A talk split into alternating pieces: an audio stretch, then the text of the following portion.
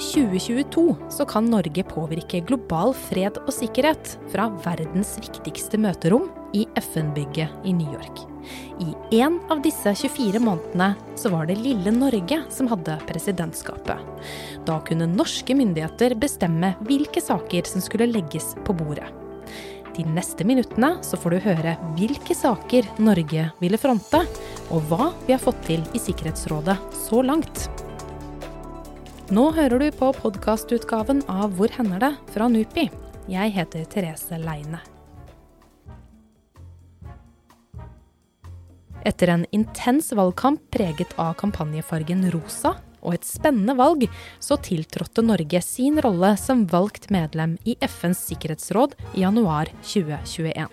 Det har vært høye forventninger til Norge, både nasjonalt og internasjonalt, om hva vi bringer til torgs i Sikkerhetsrådssalen i FN-bygget i New York.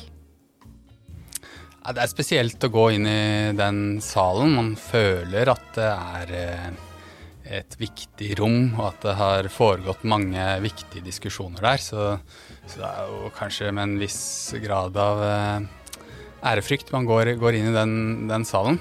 Nils Nagelhus Skia er seniorforsker hos NUPI og er ekspert på FNs sikkerhetsråd. Han har gjort feltarbeid i Sikkerhetsrådssalen og syns det er stas at det norske fotavtrykket er tydelig. Det er en sal som er eh, tegnet av en norsk arkitekt, Arnstein Arneberg, og utsmykket av en norsk kunstner, Per Krogh.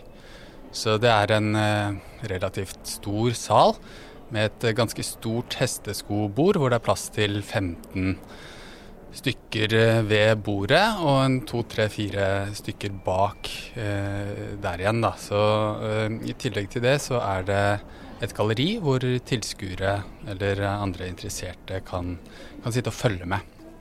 Og i midten av hesteskobordet så sitter vår norske utenriksminister Anniken Huitfeldt.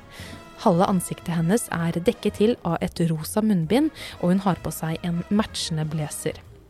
På bordet foran henne er det plassert et skilt i tre hvor det står skrevet 'president' med store bokstaver. I januar 2022 hadde Norge presidentskapet i FNs sikkerhetsråd. Vi skal straks forklare hvilke oppgaver Anniken hadde da, men først må vi få på plass litt elementær kunnskap. FNs sikkerhetsråd har ansvaret for FNs arbeid med å ivareta internasjonal fred og sikkerhet. Det er 15 medlemsland som er med der til enhver tid. Fem av de 15 er faste, dvs. Si at de er der permanent. Eh, de har også vetorett, dvs. Si at de, er de imot et forslag, så kan eh, de stoppe det. Og her må jeg stoppe Nils litt, for dette må du merke deg. De faste vetomaktene i Sikkerhetsrådet, det er Frankrike, Storbritannia, Kina, Russland og USA. Og ja, Kina, Russland og USA rundt samme bord. Man kan enkelt si at de ikke alltid er så enige. Så å få gjennom en resolusjon, eller et vedtak, i Sikkerhetsrådet, det er ikke barnemat. Eh, de ti andre de er eh, valgte medlemsland, og de sitter der på, i to år av gangen. De skal sørge for å ivareta internasjonal eh, fred og sikkerhet og diskutere situasjoner som, og kriser som kommer opp, som kan true dette. Da. Og I tillegg så har Sikkerhetsrådet også myndighet eh, til å fatte bindende beslutninger som er gyldige folke, i forhold til folkeretten. Vi får jo høre at Sikkerhetsrådet er verdens mektigste råd, eller organ. Men hva ligger det egentlig i det? Ja, uh, Sikkerhetsrådet skal jo håndtere spørsmål som er uh, veldig brennbare. Det handler om internasjonal fred og sikkerhet. Uh, det, og i sånne slike spørsmål så er det jo ofte mye makt involvert. derfor, og, og, i tillegg er det det øverste organet vi har med, med bindende beslutningsmakt. Så sånn sett så, så, diskuterer det viktige saker, og eh, stormakten i verden sitter der. Men, eh, men, eh, mange ganger så ser vi at land bare kjører på uten å ta hensyn til det Sikkerhetsrådet eh, bestemmer. Og I tillegg til dette så kan vi også nevne det at de fem faste medlemslandene, som jeg sa innledningsvis, de har jo vetorett. Og hvis de er uenig i, i noe om, når det gjelder en konflikt, så kan de legge ned veto, og så blir det ikke noe annen sikkerhetsrådsbeslutning på den saken. Så Så det gjør at Sikkerhetsrådet f.eks. har um, ganske store problemer med å håndtere f.eks. den aktuelle situasjonen i Ukraina. Så Ukraina-konflikten kom på bordet siste dagen da Norge hadde presidentskapet. Men hva betyr det egentlig at Norge hadde den rollen? Det går på rundgang, og man har presidentskapet en, i én måned av gangen. Og eh, da kommer man med en, et forslag til en agenda for Sikkerhetsrådet for denne måneden. Og det skal da godkjennes eh, av alle de 15 medlemslandene. Eh, så at man er, en, man er, en, ordstyrer. Men i og med at man, man kommer med et forslag til agendaen, så, så, har man også kanskje litt sånn ekstra mulighet til å påvirke Sikkerhetsrådets agenda denne måneden. Da. Og hva har Norge trukket fram som de viktigste sakene de ønsket at rådet skulle diskutere? Eh, Norge har, eh, Da vi gikk inn i Sikkerhetsrådet, så hadde vi fire hovedprioriteringer. Av kvinner, fred og sikkerhet. Women around the world who participate in society and politics risk threats. Not only for what they say, but for who they are. Fredsdiplomati. We would like to invite all members of the Council to an informal, closed discussion on how we can do better when it comes to preventive diplomacy and conflict resolution. Beskyttelse av sivile. Protection of civilians uh, in conflict would be one of our priorities. That's a long-term priority of Norwegian foreign and humanitarian policy. Uh, and we wanted to take the opportunity of being on the Security Council to address it in that context and to hold member states of the Security Council and the broader international community accountable to the rules, rights and obligation under international humanitarian law. Og klimasikkerhet. Climate change is a threat multiplier, and that is why it is at the very core of the Security Council's agenda.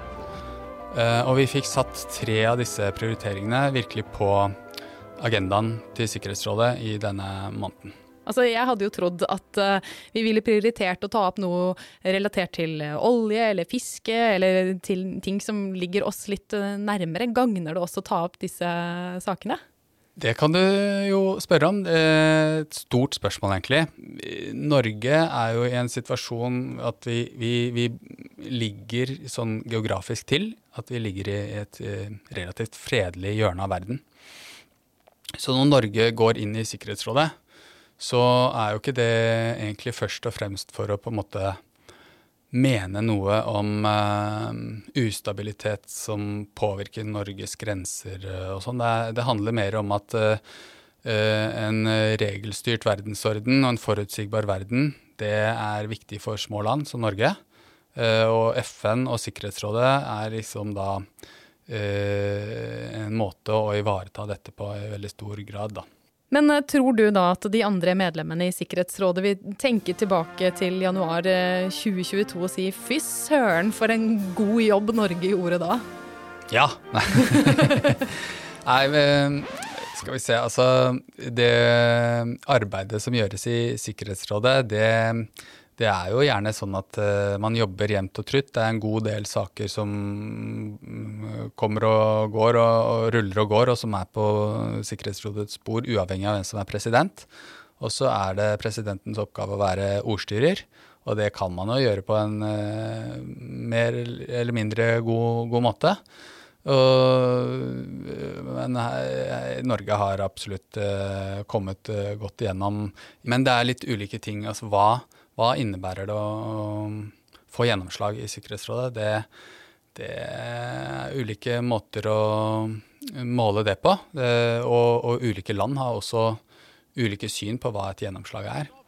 Norway, four men going for three medals, but there are only three medals. And Jørgen Grobak from Trondheim. Siden det er OL nå, så kan man ta en sammenligning med det. Da. Vi, hva er liksom Eh, medaljestatistikken i, i Sikkerhetsrådet. Da handler det om resolusjoner og presidentuttalelser. Håndfaste, konkrete vedtak som er fattet.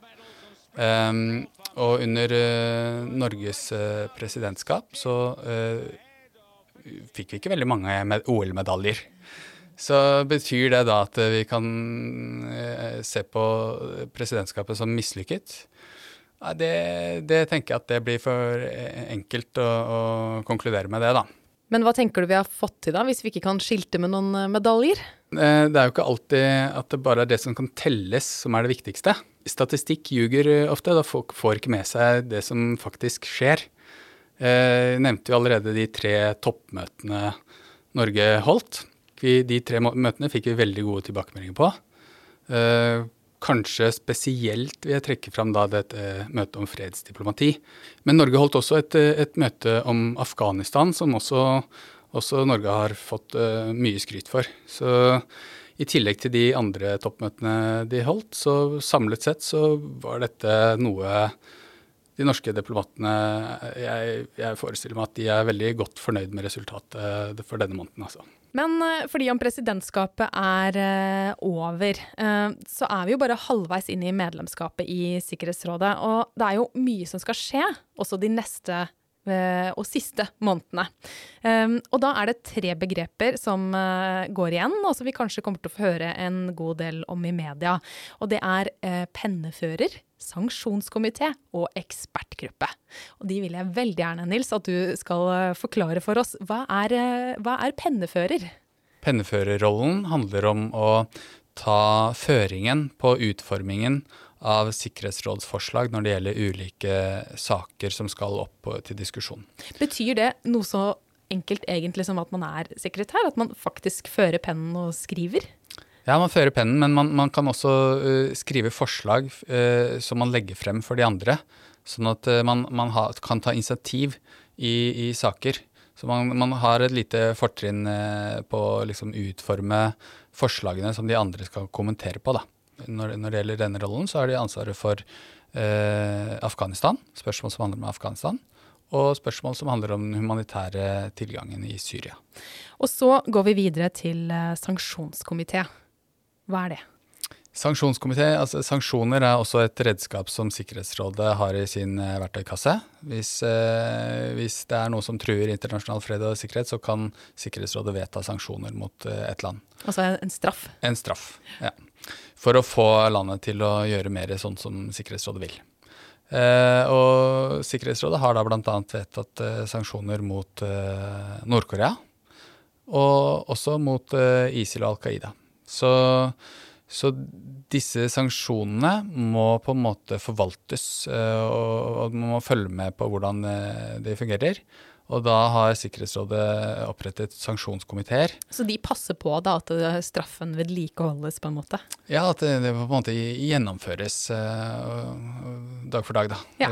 Rutinemessig. Og så er det da ekspertgrupper som eh, er eh, grupper i Sikkerhetsrådet som skal på en måte belyse ulike viktige tematiske saker. Hva tenker du um, Norge må gjøre nå de neste elleve månedene uh, for å få mest mulig ut av perioden som valgt medlem i Sikkerhetsrådet? Ja, da gjelder det for uh, Norge og de norske aktørene borte i, i, New York og også i UD her i Oslo å sette alle kluter til og stå på for å få gjennomslag for uh, våre interesser. For det er bare ett år igjen, som du sa. Tiden går veldig fort. Og det er minst 20 år til neste gang vi, vi kan bli medlem i Sikkerhetsrådet. Denne podkasten er basert på en artikkel fra Nupis artikkelserie Hvor hender det? Hvis du er interessert i å lære mer om Sikkerhetsrådet, eller om du vil lese andre artikler om utenrikspolitikk, så kan du besøke oss på nupi.no. slash skole. Hvis du vil høre flere podkastepisoder, så kan du søke på Hvor hender det i din podkast-app. Og du kan gjerne abonnere på oss. Vi vil gjerne høre fra deg. Send oss en e-post til skole at nupi.no.